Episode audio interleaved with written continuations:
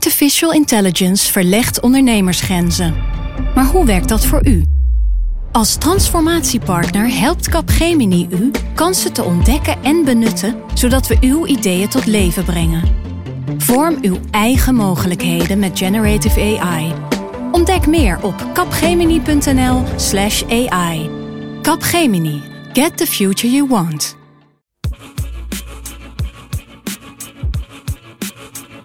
Dit is Haagse Zaken. Mijn naam is Lemia Aharwai.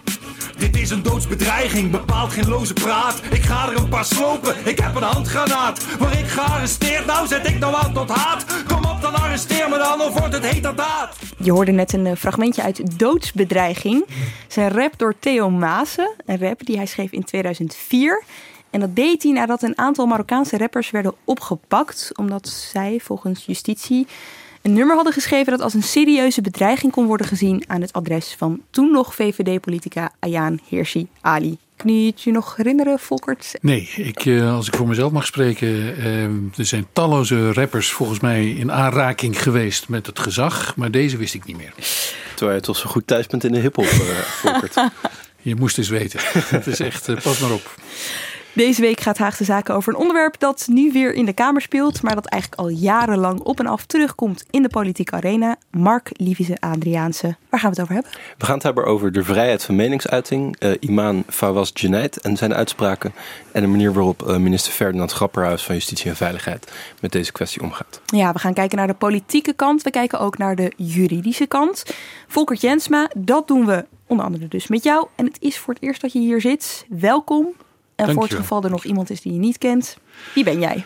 Uh, redacteur van NRC Handelsblad, al een poosje. Uh, commentator, ik hou me bezig met het recht. Uh, ik heb een column op zaterdag en je kan me vinden op internet met een blog. En je bent natuurlijk oud-hoofdredacteur van NRC. ja, zeker. Dat is ook waar. Tussen ja. 1996 en 2006. We beginnen begin januari van dit jaar. Er komt een preek online van een imam, Fawaz Junaid. هذا أحمد أبو طالب يعني رجل كان في حزب يساري اسمه البي في دي وهذا الحزب لا يقل عداء وحربا للمسلمين في هولندا En hij zegt hier in het Arabisch: Ahmed Abu Taleb is een man die lid is van de PvdA, een linkse partij, een partij die vijand is van de moslims en moslims bestrijdt. En deze preek van uh, Junaid is een reactie op de inmiddels welbekende uitspraak van burgemeester van Rotterdam, Ahmed Abu Talib, die hij deed bij de EO. Eigenlijk elke moslim is een beetje salafist. Ja, dit, dat uh, was dus uh, Abu Talib. Mark, de Nationaal Coördinator Terrorismebestrijding en Veiligheid, die pikt die preek op. Wat gebeurt er? Uh, nou, je moet je voorstellen, de NCTV dat is een uh, dienst die onderdeel is van het ministerie van Justitie en Veiligheid. En daar zitten mensen die uh, de hele dag de uh, social media accounts van dit soort lui, maar ook extremisten van andere uh, pluimage in de gaten houden. Om te kijken wat daar gebeurt, waar zij zich mee bezighouden. Uh, zij zien deze preek en analyseren die. En concluderen dan eigenlijk, en zij kijken echt sec naar de uitspraken van deze man. En concluderen dan dat, er, dat de uitspraken wel zorgelijk zijn, maar niet gevaarlijk. Ze zien er geen oproep tot geweld of tot actie in. Ja, en dan een paar weken later komen ze met een nieuwe uitspraak. Uh, ja, inderdaad. Op het, het, precies twaalf dagen later, op 24 januari, dan analyseert de NCTV deze preek nog een keer. Mm -hmm. Maar dan iets diepgaander. En dan kijken ze ook naar de context van deze uitspraken. En naar de mogelijke interpretaties die je kan hebben van deze uitspraken vanuit uh, bepaalde radicaal-islamitische uh, stromingen. Ja, en dat is een belangrijke toevoeging. Hè? Ze kijken Precies. ook naar de context. Ja, ze kijken niet alleen naar sec wat er expliciet gezegd is, maar ook naar wat er impliciet bedoeld zou kunnen zijn. Ja, met andere woorden, er zijn twee analyses door de NCTV. Die tweede analyse die komt er niet voor niks. Nee, dat klopt. Deze man heeft een uh, gebiedsverbod gekregen uh, in november al. Die wil het OM en minister Grapperhaus verlengen in januari. Uh, de ministerie, of het ministerie en het OM zijn dan ook in gesprek over deze man en wat ze kunnen doen. gaan het gebiedsverbod verlengen en deze uitspraken van Jeanette zijn dan ook aanleiding om het gebiedsverbod te verlengen. Het Openbaar Ministerie, ondertussen gebeurt dat ook, die besluit om deze meneer niet te vervolgen. Nee, dat klopt. En het is nog een beetje onduidelijk. Of dat, dat gebeurt dan door de parketten in Den Haag en Rotterdam. Dat zijn gewoon de, de lokale afdeling van het OM. Die bekijken deze uitspraken en concluderen dan dat, ja, dat er niks strafbaars gezegd wordt. Dat deze man dus ook niet vervolgd kan worden. En er is nu onduidelijkheid over de redenen waarom het OM dat concludeert. Er zijn mensen in de Tweede Kamer die denken dat het OM dit geconcludeerd heeft op basis van de eerste analyse van de NCTV. Dus eigenlijk de, de zwakke analyse. Waarin ze zeggen zorgelijk, maar niet gevaarlijk. Um, Grapperhaus impliceerde in de Tweede Kamer, in de debatten die over deze man gevoerd zijn, dat het OM dit besloten heeft aan de hand van de tweede, zwaardere analyse van de NCTV. Nou, dat weten we op dit moment niet. De Kamer uh, wil daar duidelijkheid over hebben. Vindt, vindt ook dat Grapperhaus daar onduidelijk over is geweest. En begin van uh, komende week zal er uh, waarschijnlijk een brief komen vanuit het ministerie waarin, ja, de zogenaamde feitenrelaas heet dat dan, mm -hmm. waarin staat, dit is de reden geweest voor het OM om te besluiten dat deze man niet te vervolgen is. Ja, dus de OM in Den Haag en Rotterdam hebben besloten... hij hoeft niet vervolgd te worden. En daarna gebeurde wat interessant, Volkert. Want er werd onder andere geroepen... hoe kan het nou dat uh, de landelijke top van het OM hier niks van afwist? Ja, um, dat is een beetje de schuld van Grapperhaus zelf, als ik heel eerlijk ben. Uh, omdat hij in de Kamer het steeds heeft gehad over het OM... Uh, en de suggestie was dan, uh, die hij ook niet heeft weersproken, dat hij het dan heeft over de voorzitter van het college van procureurs-generaal. Uh, omdat dat ook het niveau is waar hij mee spreekt. Maar de HETOM is natuurlijk een, ja, toch een grote organisatie. En de beoordeling van of er iets strafbaar is, of er iets vervolgd mag worden, gebeurt natuurlijk niet in de top, maar dat mm -hmm. gebeurt in het land. En dat is hem dus een beetje tegengeworpen. Uh, het, als de top er niet van weet, wil dat niet zeggen dat het onjuist zou zijn of dat het een onbevoegde beslissing zou zijn. Het is gewoon een, een organisatie die dit soort beslissingen delegeert op, tot het niveau waar ze thuis horen. Ik wil net zeggen, het is niet dat ze slimmer zijn aan de top. Nee, nee, het is ook niet zo dat, dat dit een aspirant terrorist is, dat het een, een kwestie van nationale veiligheid is, dat er iemand risico loopt. Uh, het kwam betrekkelijk spontaan op allemaal. Het was gewoon een, een speech op Facebook van een imam waar we wel eens vaker gedoe mee is, maar meer dan dat was het mm -hmm. niet. Mm -hmm. En bovendien ook NCTV, begrijp ik, leer ik van Mark, heeft twee keer daarna gekeken en de eerste keer iets anders gezegd dan de andere keer. Dus zo uh, evident was het kennelijk ook allemaal niet. Is er een verklaring voor, Mark, dat, dat die tweede analyse van de NZTW dus anders was dan de eerste? Nou, zoals ik net al zei, ze kijken daar ook meer naar de context van de uitspraken. Ja, dus... maar waarom dat dus in de tweede keer wel gebeurde en in de dat eerste weet ik keer niet. Nee. Okay. Nog één, één andere, want ik hoorde het Mark nu weer zeggen en ik dacht, het is toch te mal voor woorden. Uh, die imam die heeft dus inderdaad een gebiedsverbod gekregen. Hè. Men is bang dat als hij uh, veel in de Schilderswijk komt, dat hij dan radicale jongeren nog verder radicaliseert. Ja. En dus mag hij niet meer, ik geloof dat het daar in een boekwinkeltje was, mag hij niet meer zijn verhalen houden. Twee wijken in Den Haag. Twee wijken in Den Haag. En ja, uh, waar is nou de ophef door ontstaan? Omdat de goede man op Facebook zit. Uh, en dat speelt dan een rol bij de vraag of het gebiedsverbod verlengd moet worden. Ja, sorry, het is vrij curieus allemaal. Ja, in de hè? Tweede Kamer waren partijen zoals SGP die vroegen zich af of de man ook een digitaal gebiedsverbod kan krijgen. Ja. Waarop Grapperhaus niet geheel onterecht zei, ja, dan gaat hij de grens over naar België en dan zet hij daar zijn webcam aan. Natuurlijk, dus je ziet hier de kramp die het gezag heeft bij het proberen het in te tomen of te beperken van wat hier kennelijk gaande is en wat men en, en waar men uh, toch angstig voor is. Ja, precies. Een gebiedsverbod, tja. Die kramp die zie je ook een beetje terug in de Tweede Kamer. Want naar aanleiding van die preek uh, stelt de PvdA vragen. Uh, Adje Kuiken is dat, Kamerlid van de PvdA, aan Grapperhaus. Er ontstaat dan een debat in de Tweede Kamer. En daar doet Grapperhaus iets interessants. Eerst zegt hij dit in de Kamer. Het grote probleem is dat het, uh, als je het artikel over haatzaaien, want daar gaat het hier natuurlijk om. Als ik dat aan u voorleg om dat uit te breiden, dan zullen we al heel snel ontdekken dat we daarmee een, op een, of een grens overgaan waarmee uh, uh, ja, mensen gaan zeggen. Maar hoor nu gaat u zeer ten onrechte mijn vrijheid van meningsuiting beperken. En dan loopt hij de Tweede Kamer uit. Ja, uh, hij staat achter het spreekgestoelte, uh, loopt dan weg, pakt zijn tas, doet de deur open, wisselt even twee zinnen met zijn woordvoerder en moet dan 10, 15 journalisten te woord staan. Dus er, er zit echt 10, 15 seconden tussen of zo. En dan doet hij zo. Uh, ik zei het net wat, wat kort, maar ik wil van dit soort uitlatingen af en de straffeloosheid ervan. Want het, uh, mensen worden daardoor in hun bestaan bedreigd, dat is één, en dat vind ik walgelijk. En ja, je krijgt een radicalisering van jonge mensen. Niet rechtstreeks, maar die, dus mensen die al in een sfeer zitten van uh, dat ze dreigen te radicaliseren. Die krijgen door dit soort uitlatingen ineens ja, toch een soort grond uh, onder hun voeten. Nou, die twee dingen, het bedreigen van medeburgers en het, uh, weg, het, het, geven van een grond aan radicalisering. Daar wil ik ook vanaf. Nou, hij zei hierna ook nog: um, um, misschien moeten we de wet maar aan gaan passen. Um, en dat is echt iets heel anders dan hij 20 seconden daarvoor ja. in de Tweede Kamer zei. Uh, en dat hebben toen ook een aantal media meteen uh, gepubliceerd, dat verschil. En ik ben toen s'avonds na een ander debat naar hem toe gegaan en gezegd: van, joh, uh, excellentie, wat bedoelde u nou werkelijk? Inclusief knikken neem ik aan. absoluut. Uh, en toen, legde, toen raakte een beetje geïrriteerd, want hij had die berichten ook gezien. En hij vond: nee, ik heb allemaal niet iets anders gezegd. Ik heb gewoon twee keer hetzelfde gezegd. We moeten de, de wet niet gaan aanpassen, want dat raakt ook de vrijheid van meningsuiting van anderen.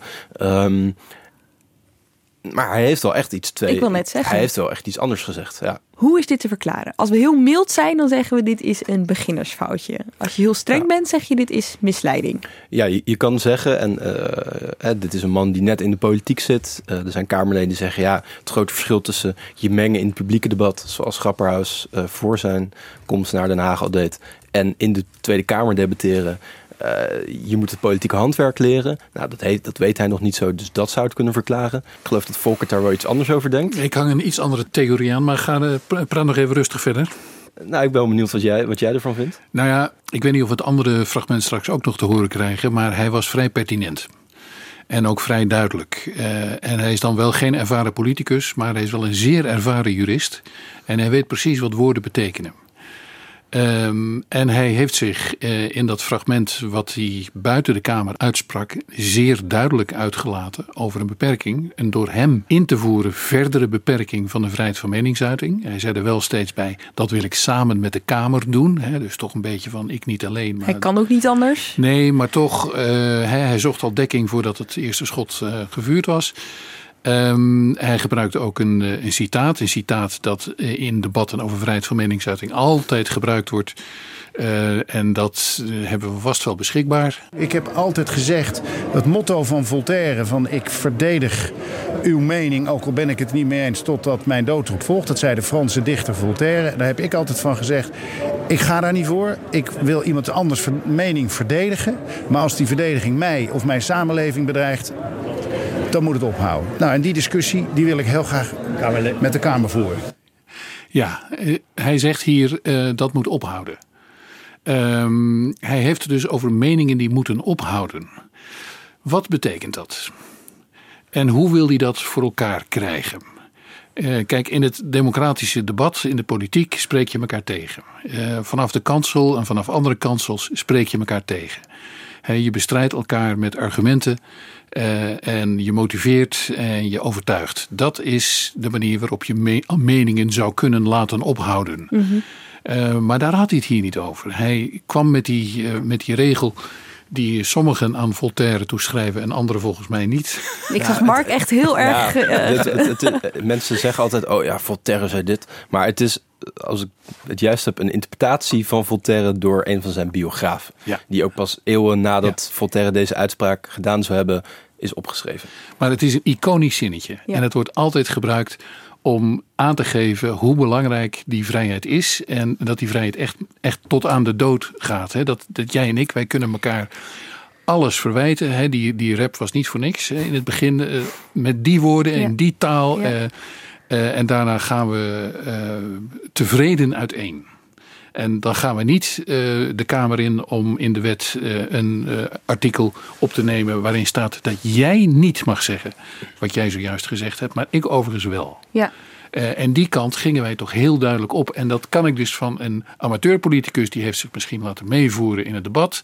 En die, waar, die staat nog een beetje scheef van de wind die die tegen had kan ik me dat nog wel voorstellen. Maar van een echte jurist, en in Grapperhaus vinden we zo iemand, vond ik dat moeilijk te geloven. Hij is, daarna is hij 180 graden gedraaid hoor. En hij is weer terug bij we, we moeten het niet doen. Mm -hmm. Dezelfde avond nog. Dezelfde avond nog en daarna ook. En ik ben reuze benieuwd naar die brief. Waar naar mijn idee niets in zal staan. Want uh, uh, de de, de, de maatstaf die we nu hebben en de rechtspraak die daar nu omheen is gegroeid, die is voldoende stevig om ook een imam uh, waar je het. Uh, waar je bang van bent om die uh, voor de rechter te brengen. dus dat zal hij dat, dat zal die niet doen. Ja, je hebt het Hoop over ik. de brief. Ja, er zijn eigenlijk twee brieven. Er komen twee ja. brieven, hè? Ja, er komt begin komende week een brief waarin Grapperhaus moet uitleggen, een feitenrelaas over het contact met het Openbaar Ministerie. En op basis waarvan het OM nou heeft besloten dat Junaid niet te vervolgen zou kunnen zijn. En er komt een andere brief. Uh, daar wordt door het ministerie al ongeveer twee weken aan gewerkt. In lichte paniek over uh, de mogelijkheden die er zijn om deze man aan te pakken. Uh, en ook wat er nodig moet zijn om de wet bijvoorbeeld aan te passen. Um, daar wordt al twee weken aan gewerkt. Er zal nog twee weken aan gewerkt worden. Omdat ze op het ministerie het eigenlijk ook niet weten. Vandaar de lichte paniek. Nou, vandaar de lichte paniek en ook de tijd die er nodig is om deze brief op te stellen. En ze doen internationaal vergelijksonderzoek om te kijken hoe zit het in andere landen. Zijn er vergelijkbare casussen in, in Duitsland of in België, waarbij imams dan wel vervolgd zouden zijn. Welke ruimte biedt de Nederlandse wet? En stel dat je de Nederlandse wet zou willen aanpassen, wat zijn daarvan dan de consequenties? Um, dus is hier dan nooit over nagedacht? Dat, er hier, dat, dat, dat dit zoveel tijd moet. Uh... Ja, hier wordt al jaren over nagedacht.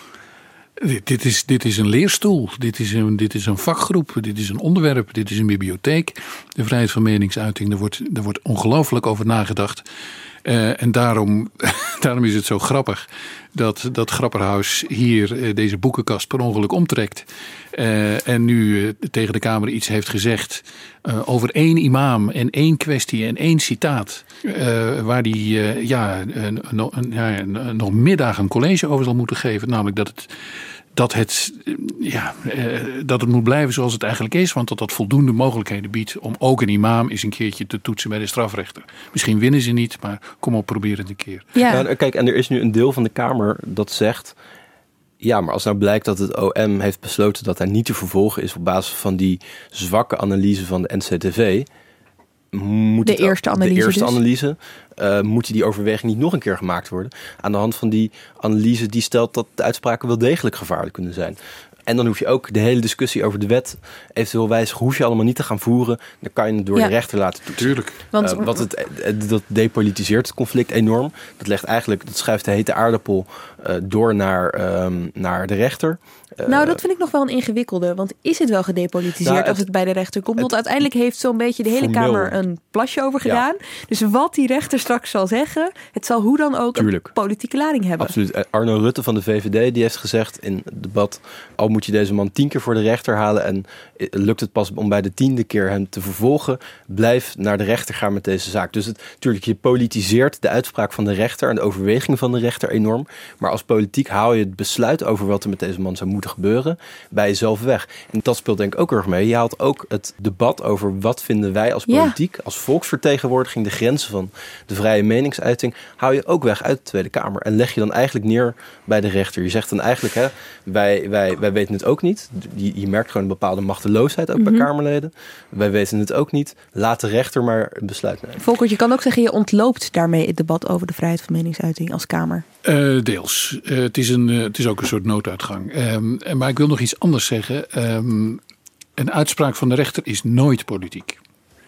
Uh, per definitie niet. Wat we hier wel zien, en dat is eigenlijk heel zorgelijk, dat is een politieke vervolging. Namelijk een Kamer die zich op het niveau van één burger en één officier van justitie wenst te bemoeien met de vraag of iemand wel of niet vervolgd moet worden. En daar zijn uh, politieke discussies over gaande. En dat is heel bezwaarlijk. De minister, dat heeft hij ook gedaan, heeft, is voor het Openbaar Ministerie gaan staan en heeft gezegd: dit is een beslissing van het Openbaar Ministerie, dat is een onderdeel van de onafhankelijke magistratuur. Oké, ik ben er verantwoordelijk voor, maar ik zal nooit uh, aanwijzingen gaan geven over wie er in dit land op welke manier en op welk tijdstip en met welke eisen zal moeten worden vervolgd. En dat is een buitengewoon belangrijk aspect van de rechtsstaat. Het kan dat wel we dat, overigens. Dat we dat niet hebben. Uh, en er is een wettelijke mogelijkheid om een aanwijzing te laten geven door de, door, uh, de minister aan het Openbaar Ministerie. Overigens met een, een verplicht afschrift aan de Kamer. Waarin dat wel kan. Het gebeurt en bijna dat is, nooit. Dat gebeurt dus nooit en met reden. Want stel je voor, er komt een, uh, een, een, een partijgenoot van de minister. die heeft de strafwet overtreden. Hè, dat dat Ja. kan gebeuren. Dat is misschien al gebeurd. Stel je voor dat de minister aan het Openbaar Ministerie zou zeggen: Wilt u deze eh, strafklacht seponeren? Ja? Ja, Je, Ja. ziet, je voelt meteen dat dat niet kan. Hij moet dat verplicht ook aan de Kamer melden, want dan kan hij dan eh, namelijk ter verantwoording wo- worden geroepen. En het omgekeerde is dus ook zo. Als de minister gaat zeggen: Ik wil dat die persoon wordt vervolgd, dat betekent dus dat een ander dat niet wordt. ja. Waarom wil de minister dat? De, man is een politicus. Dat hoort hij niet. Dat hoort gewoon in ons eh, stelsel, hoort dat niet thuis bij het kabinet. Want dan krijg je politieke vervolging en politieke beslissingen over wie wel en wanneer. En dat, dat vragenuurtje liet dus zien wat er dan gebeurt. Dan zag je de halve Kamer. Nou, de hele Kamer. De hele Kamer die stond daar voor het hekje te pleiten om één persoon te gaan vervolgen. ja. De arme man. Ja, Oh ja, sorry, maar. Arme eh, man. Ja, Ja. nee, maar je zal maar. Nou ja, kijk, hij, hij zegt... Stel je voor. Hij, hij je, zegt het is een duivels dilemma. Ja. Ehm, want Stel- hij vindt, ik wil dat deze man... eh, ik vind Hij is Grapperhaus. Hij is Grapperhaus, een, een dik schoof, nationaal coördinator terrorisme, bestrijding en veiligheid. Eh, Die vindt het ook. Die vindt het heel frustrerend dat Junaid net binnen de grenzen van de wet zou blijven. Ja, De heer Fawaz die praat en die preekt op een manier die zich allemaal net beweegt binnen datgene wat niet strafrechtelijk te vervolgen is door het Openbaar Ministerie. En dat betekent dat we dus ook echt moeten duiden en ook met andere maatregelen moeten proberen aan deze radicale preken een einde te maken. ja. Nou, dit schoof bij Nieuwsuur de avond voor dat de Kamer hierover sprak. Grapperhaus zei in het debat eigenlijk hetzelfde. Wat onvoorstelbaar jammer dat deze man binnen de grenzen van de wet is gebleven. Want we kunnen hem nu niet aanpakken. En wat onvoorstelbaar onjuist ook, om dat zo te zeggen. Hier wordt dus iemand verweten dat hij zich aan de wet houdt. Nou, ja, kijk, en, ja. Overtrad hij die wet, maar dan konden we tenminste wat. Maar ja, de wet zit ons in de weg. Nou, En dus wordt de vraag opgeworpen, dus de moeten we wat moet met dan die wet anders? Ja, nou, er zijn partijen die dat willen, waaronder de partij van de minister zelf, het CDA. Die wilde het ook al veel langer. Eh, Piet Hein Donner heeft in 2005 al een voorstel ingediend, toen minister van Justitie, om ehm, eh, het, het verheerlijken van eh, terroristisch gedachtegoed en geweld strafbaar te maken. Er ligt nu een wet in de Tweede Kamer. Eh, die is twee jaar geleden ingediend. Daar begint nu langzaam parlementaire proces over. Door Mona Keizer, Door CDA. Mona Keizer, nu, door, eh, nu verdedigd door Madeleine van Torenburg. Omdat Mona Keizer staatssecretaris van eh, iets is geworden. Ik ga meteen kijken waar zij staatssecretaris economische van is. zaken. Het is altijd wennen nu. Economische zaken en klimaat. Maar welk, welk wetsvoorstel is Nou, dat? dat is het wetsvoorstel verheerlijken van terreur verbieden. Ja. Dus dan gaat het erom dat wanneer jij als burger eh, zegt... nou, Ja. eh, deze terroristische organisatie... moi, vind eigenlijk wel tof wat ze doen... en je, je verheerlijkt dat... ehm, dan zou je strafbaar moeten worden. Nou, er is daar absoluut geen meerderheid voor in de Kamer... Ook binnen de coalitie niet. D66 is hier heel kritisch op. De ChristenUnie wil dit niet. Eh, de VVD is er ook erg kritisch op. Dus deze wetswijziging die het CDA wil, die gaat er gewoon niet komen. Ook omdat binnen de coalitie ehm, ja, hier gewoon geen meerderheid voor is. Want de andere partijen die, die houden wel vast aan de vrijheid van meningsuiting. En dat is ook een van de redenen waarom die brief waar Grapperhaus mee gaat komen wat langer duurt. Omdat het een hele politieke brief is. Zijn eigen partij wil eigenlijk de wet aanpassen. Hij zelf wil dat toch niet, lijkt het. En de rest van de coalitie wil het ook niet. Ja. Dit vind ik wel interessant, hè? want eh, goed, Keizer en daarvoor dus blijkbaar Donner in 2005, die willen de wet, de vrijheid van meningsuiting, inkaderen, zou je kunnen Ja, zeggen. Op, op één bepaald inhoudelijk punt zeggen, want dat willen we niet meer horen. Ja, precies. Want- Nou, het CDA gaat er eigenlijk nog wel verder in. Want eigenlijk, las ik vanmiddag, zouden ze ook wel willen dat het verheerlijken van elk geweld en onwettig gedrag verboden wordt. Dus wanneer jij dan een filmpje deelt op Facebook van, weet ik veel, vechtende hooligans en zegt van zo, dat is leuk, dan zou je ook wel strafbaar worden. Eh, Dus dat, het, Ja. CDA gaat daar veel verder in dan eh, andere partijen in de Tweede Kamer. En het lijkt, me zo, het lijkt me dat het zo problematisch is, Volker. Dat, het- want nu klinkt het heel overzichtelijk, hè? Eh, Ja. zo, zoveel.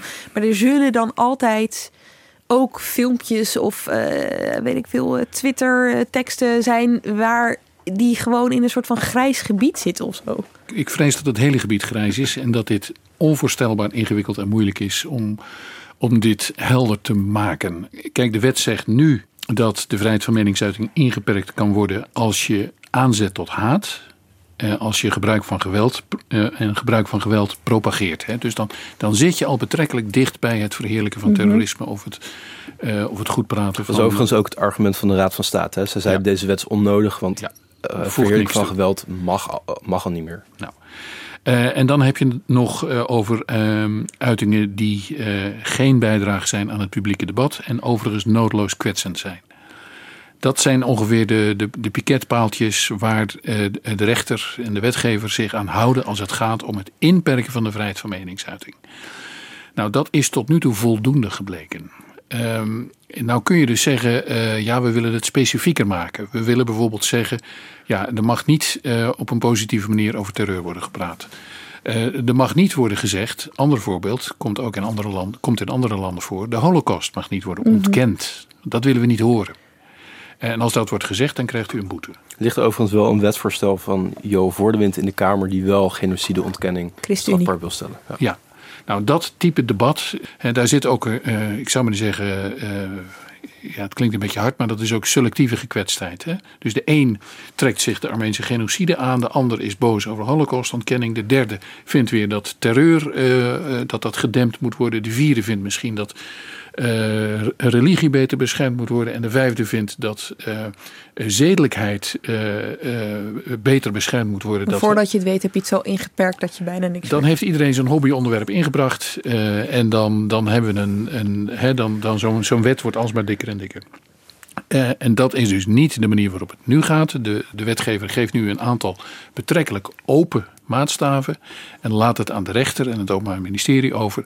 om per geval te kijken of dit nou wel kan of niet kan. Ja, ja, het is een uh, zijsprongetje van een zin die ik begon, want ook interessant. Sorry. Daar begon ik mee. Nee, graag zelfs. Uh, ook interessant is dus, kijk, dit gaat over het beperken van die vrijheid van meningsuiting. Dit, dat is een, een bepaalde beweging. Hè? Een Ja. andere beweging is juist het verruimen ervan. Ja. Dat zag je in december 2016. Toen had je Joram van Klaveren, van toen nog de groep Bontes en van Klaveren, een afsplitsing Het van de illustere PVV. voor Nederland. Die had een eh, initiatiefwetsvoorstel waarin hij Hij wilde eigenlijk de, de, de wetsartikelen in het wetboek van strafrecht... eh, die gaan over wat je niet mag zeggen... eh, wat strafbaar is, schrappen. Uh, wat wij graag willen is uh, artikel 137c, en dat is groepsbelediging, schrappen. En artikel 137d willen we verkorten. En dat zou inhouden dat het aanzetten tot geweld wel strafbaar blijft, maar het aanzetten tot bijvoorbeeld discriminatie niet. Feitelijke discriminatie blijft echter wel strafbaar, alleen het aanzetten tot niet. En als je het in de normaal Nederlands en even simpel uitlegt, dan zou je dus kunnen stellen wat het verschil is als ik een gesprek heb met mijn buurman in het café en wij zijn van mening dat bijvoorbeeld Belgen niet meer in het museum zouden mogen komen, dan moeten wij dat gesprek kunnen voeren zonder dat daar meteen een uh, strafrechtszaak op zou kunnen volgen. Uh, nou, nu is dat niet zo. Nu zou dat in theorie kunnen leiden tot een uh, rechtszaak. Nou, wij vinden dat dat niet hoort. Alleen op het moment dat er een museumdirecteur is die een bord op zijn deur spijkert en zegt verboden voor Belgen en gaat mensen daadwerkelijk weigeren, dan is er sprake van feitelijke discriminatie en dat blijft ook bij ons gewoon strafbaar. Ja, die museumdirecteur zou ook een bord kunnen ophangen dat hij met allerlei beledigende dingen over Belgen, waar als je Belg zou zijn, zou je dan kunnen opmaken, nou, hier ben ik eigenlijk niet welkom. En dat zou dan niet strafbaar zijn. Zijn voorstel haalde het uiteindelijk ook niet. Nee, alleen de PVV, PVV was voor. En de VVD deels, heb ik begrepen. Um, dat zegt ook wel weer wat. Dus het verruimen is blijkbaar ja. ook niet heel populair. Nou ja, het, je hoort er de politieke conjunctuur in terug. Hè. Het ene jaar uh, storen we ons aan iets anders dan het andere jaar. Uh, en, en, dit voorbeeld over minder Belgen, ja, daar hoor je natuurlijk de minder Marokkanen ophef in, in terug. Um, Dit het, voorstel kwam ook na die natuurlijk, uh, uitspraak. Het, het, is over het algemeen zo dat politici graag meer vrijheid van meningsuiting voor zichzelf willen. Um, en iets minder voor de tegenstander of voor uh, dat fenomeen waar ze juist uh, zich aan storen. Dat is een normaal menselijke uh, reactie, zou ik bijna zeggen. Daar hebben we allemaal last van. Maar daar schiet je niet heel erg veel mee op. Als je er vanuit een juridisch perspectief naar kijkt. Nee, wat je ook wel merkte. Uh, de, de, Kamer debatteerde in het vragenuur over deze imam Junaid. Een week later was er een debat over een andere imam. En daar kwam de zaak Junaid ook wel in terug. En toen merkte je eigenlijk al wel dat een deel van de Kamer zich in die week die ertussen lag had gerealiseerd. Van oh, oké, okay, uh, het heeft wel consequenties als wij. Um, of ik geloof dat er een paar dagen tussen zaten. Als wij de wet zouden willen aanpassen. Dus bij het in het vragenuur leken politici veel gewilliger om ver te gaan om deze man maar te straffen. En een dag later, toen de Ja. stof een beetje was neergedaald... Veel opportunistischer. Precies, Ja. meer gerealiseerd van oké, het heeft ook wel consequenties. Ja, ik die bedoel- we nu eigenlijk nog niet zouden kunnen overzien. Die man die krijgt wel heel veel voor elkaar als hij met Nou ja, dat- zijn dat is- uitspraak uiteindelijk dus ook invloed. Het heeft ook invloed op jullie en op mij. Dat zeg is ook maar. wat bijvoorbeeld bij het ministerie zegt. Ja, we kunnen deze wet nu wel aanpassen. Maar dan geef je eigenlijk ook een beetje eh, misschien deze man wel gelijk. Eh, want die, die wil juist Ja. dat de rechtsstaat vernauwd wordt. Ja. Eh, dat is een deel van zijn agenda. Die is vermoedelijk een voorstander van het zo scherp mogelijk beperken van eh, de vrijheid van meningsuiting voor afvalligen. Zeker. Oké, we hebben het steeds over de wet, de wet, de wet. Waar hebben we het eigenlijk over? We hebben het over artikel 7 van de Grondwet en we hebben het over artikel 10 van het Europese Verdrag voor de Rechten van de Mens. En we hebben het over artikel 19 van het VN-verdrag voor de burgerlijke en politieke rechten.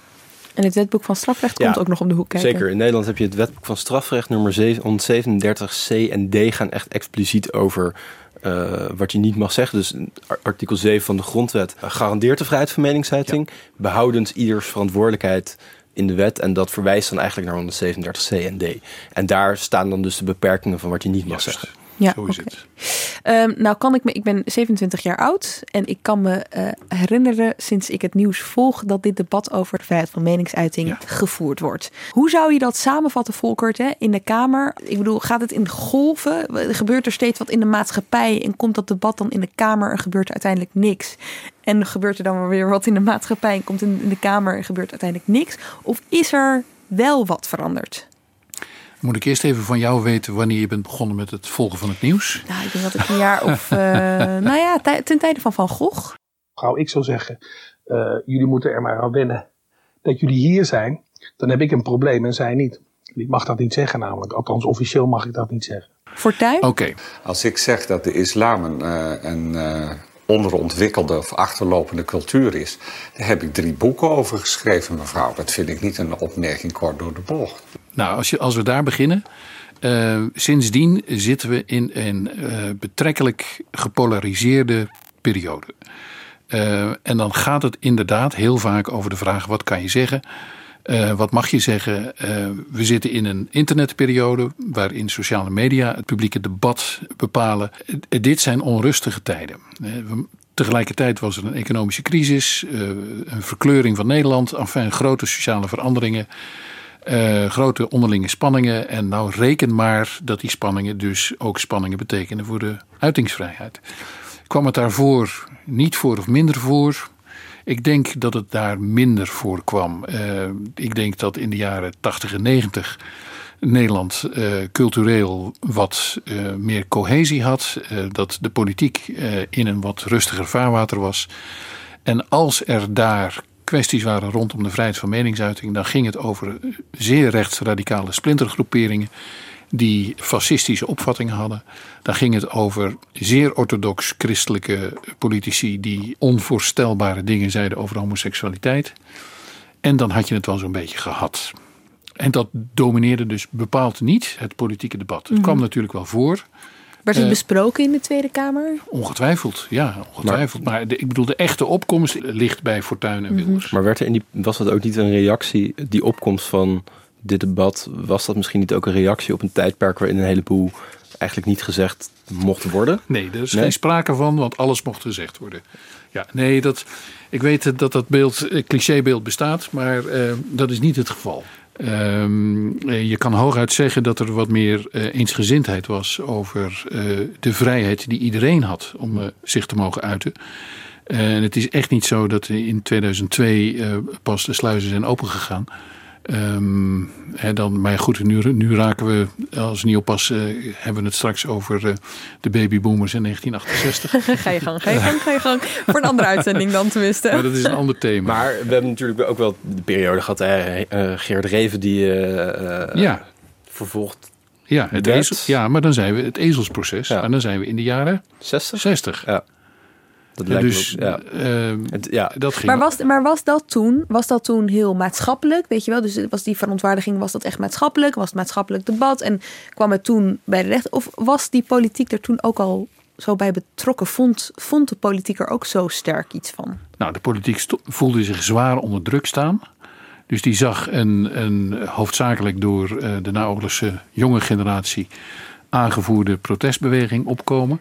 Waarin dingen werden gezegd die voorheen eh, in ieder geval niet eh, met elkaar gewisseld werden.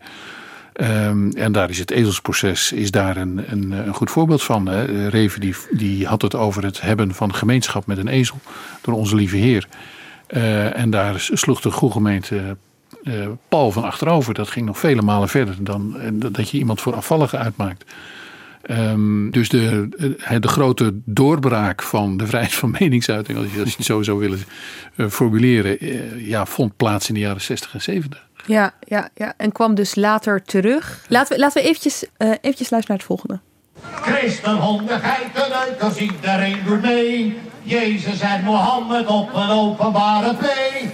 Nee, ik mag niet kwetsen, mijn excuses en ik zal voor straf me laten pijpen door de mijnen van halal en TV-fragment van het jaar? Ja, 2006, 7 denk ik. Ja, Want tegelijkertijd had je toen ook het filmpje van Hans Steel op de pijnbank bij uh, de meiden van Hallo. Ja, dat was dit.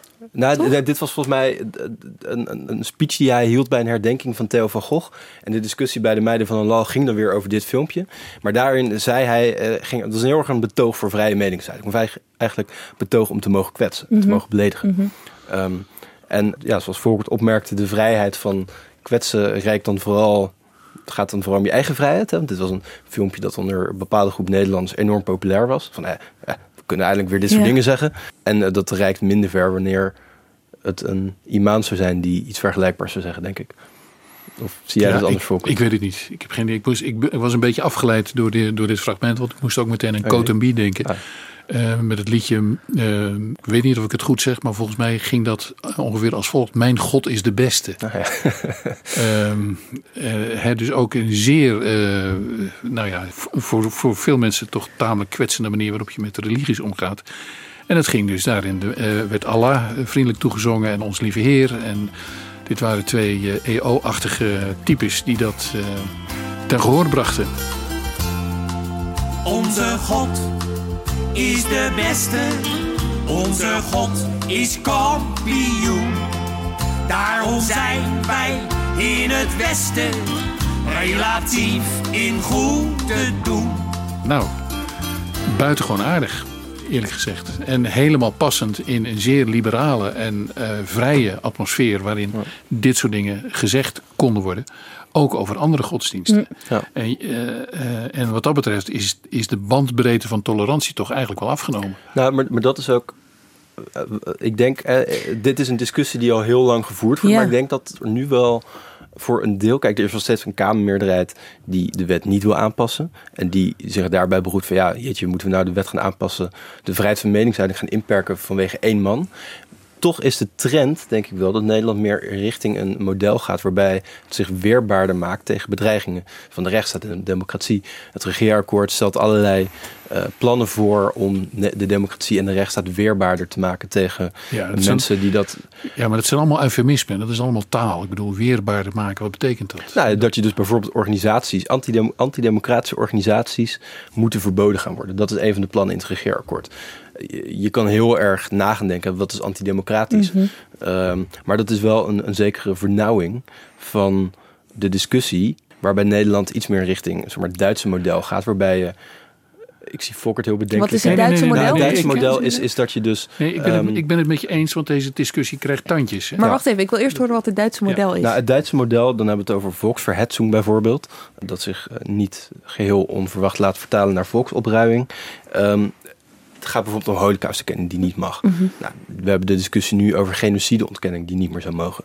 Het gaat om het verbieden van fascistische propaganda. Maar het, hier- het, het hier- verbieden van politieke partijen ook. Ja, maar ehm, eh, Mark, dat zal jij onmiddellijk eh, onderschrijven.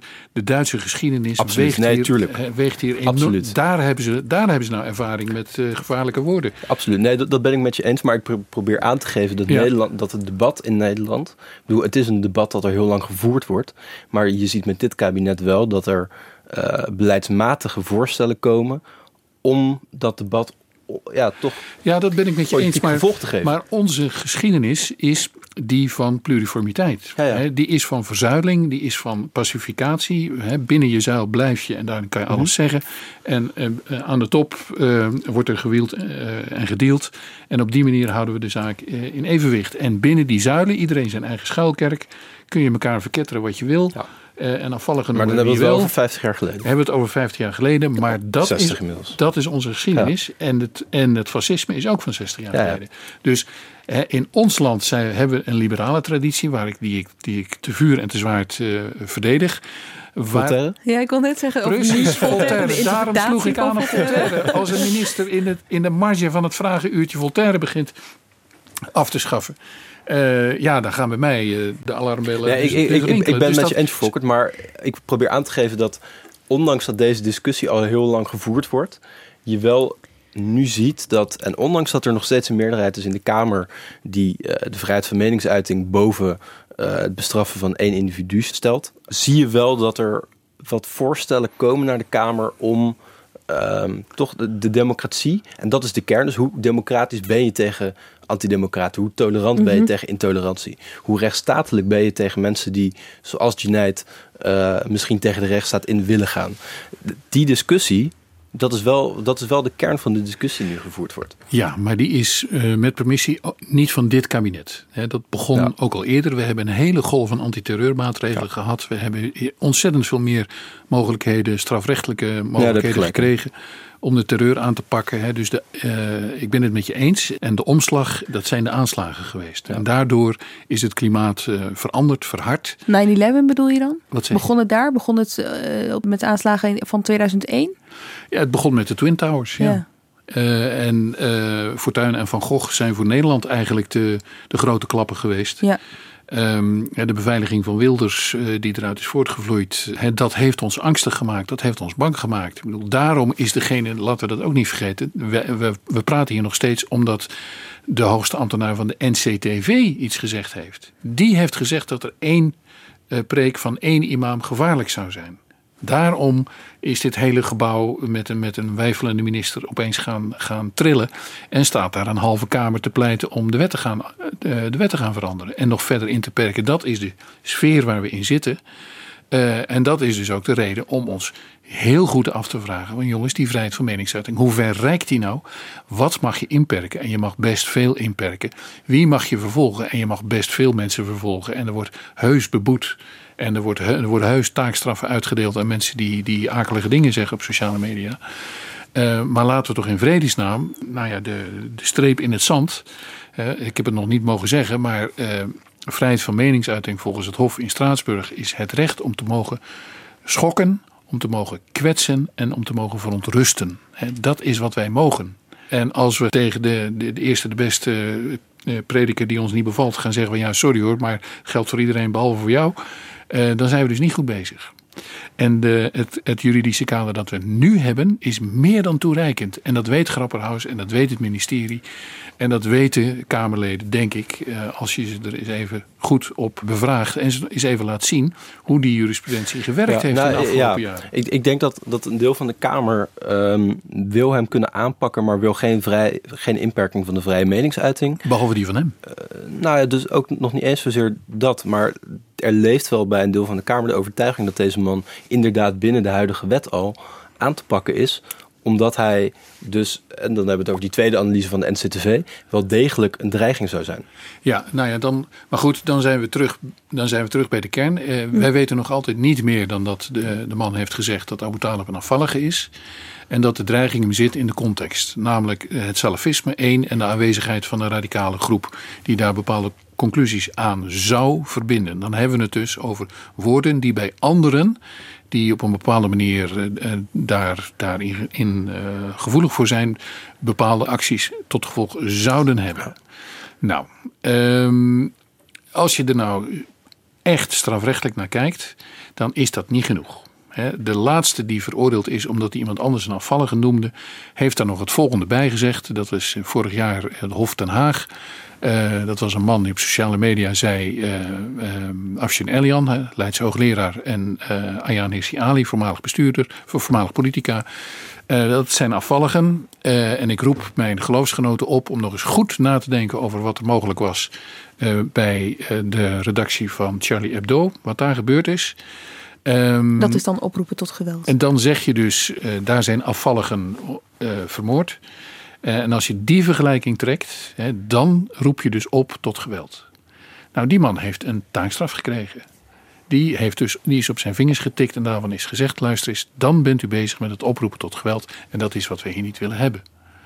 Nou, dat vind ik een zuivere manier van redeneren.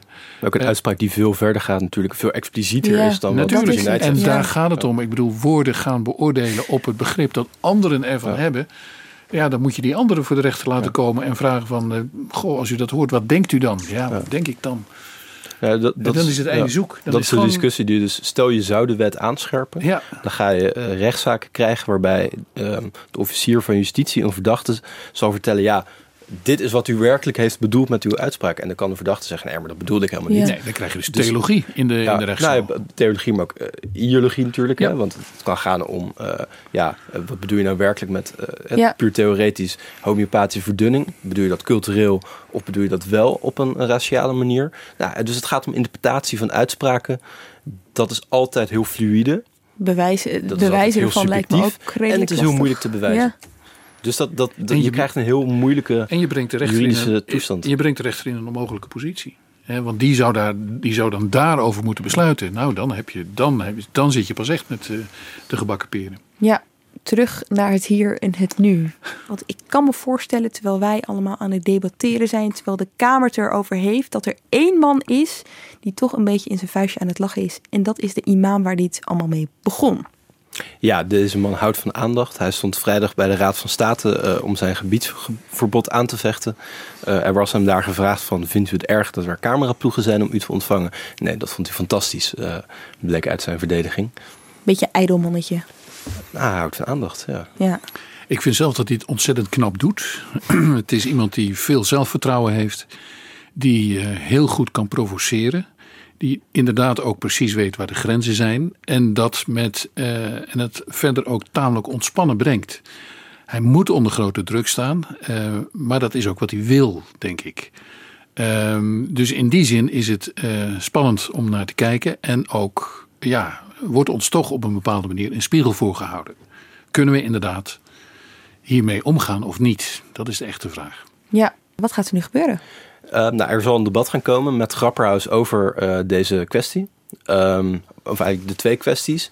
Dus eh, zowel het contact dat het ministerie heeft Mhm. gehad met het OM, als ehm, de mogelijkheden die er zijn, zowel binnen de huidige wet als mogelijke veranderingen van de wet, om deze man, maar ook toekomstige imams, want uiteindelijk gaat het vooral om imams, eh, waar dit soort debatten steeds weer door ontstaan, ehm, aan te pakken. Nou, dat zal, als de, de brief van minister Grapperhaus met de mogelijkheden over een paar weken pas komt, is het heel goed mogelijk dat we dit debat pas na het meireces gaan voeren. En Volkert, eigenlijk weten wij al.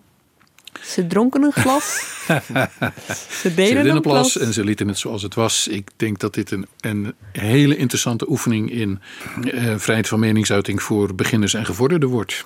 Eh, en dat men tenslotte moet constateren dat er eh, niet zinvol is om de, om de wet eh, aan te passen. En dat als je echt wil proberen eh, om de man te vervolgen, nou, dan vervolg je hem. En dan zie je wel wat de rechter ervan zegt. Daar is verder, ja, daar is verder niks op tegen. Hè? Het, lijkt mij nogal een hijs voor het Openbaar Ministerie om dat voor elkaar te krijgen. Maar laten ze, laten ze maar eens een, een, dagvaarding invullen. Dank jullie wel. Volkert Jensma en Mark Lievise Adriaanse. Dank ook voor het luisteren. Laat ons vooral weten wat je ervan vond of wat je graag wil horen in Haagse Zaken. Je kan ons gewoon mailen podcast.nrc.nl en vergeet je vooral ook niet te abonneren. Ik zou zeggen tot volgende week. Ja, wij zijn hier in het westen nog het best in goede doen. Onze Heer blijft toch de beste, Hij is wereldkampioen. Hij is wereldkampioen. Je hebt aardig wat vermogen opgebouwd. En daar zit je dan, met je ton op de bank. Wel een beetje saai, hè? Wil jij, als belegger, onderdeel zijn van het verleden of van de toekomst? Bridgefund is een slimme fintech die een brug slaat tussen de financiële behoeften van ondernemers en van beleggers. Dus wie belegt bij Bridgefund krijgt niet alleen een mooie vaste rente, maar brengt ook ondernemers in beweging. Echt waar, met die ton kan je zoveel betere dingen doen. Bridgefund. Make money smile.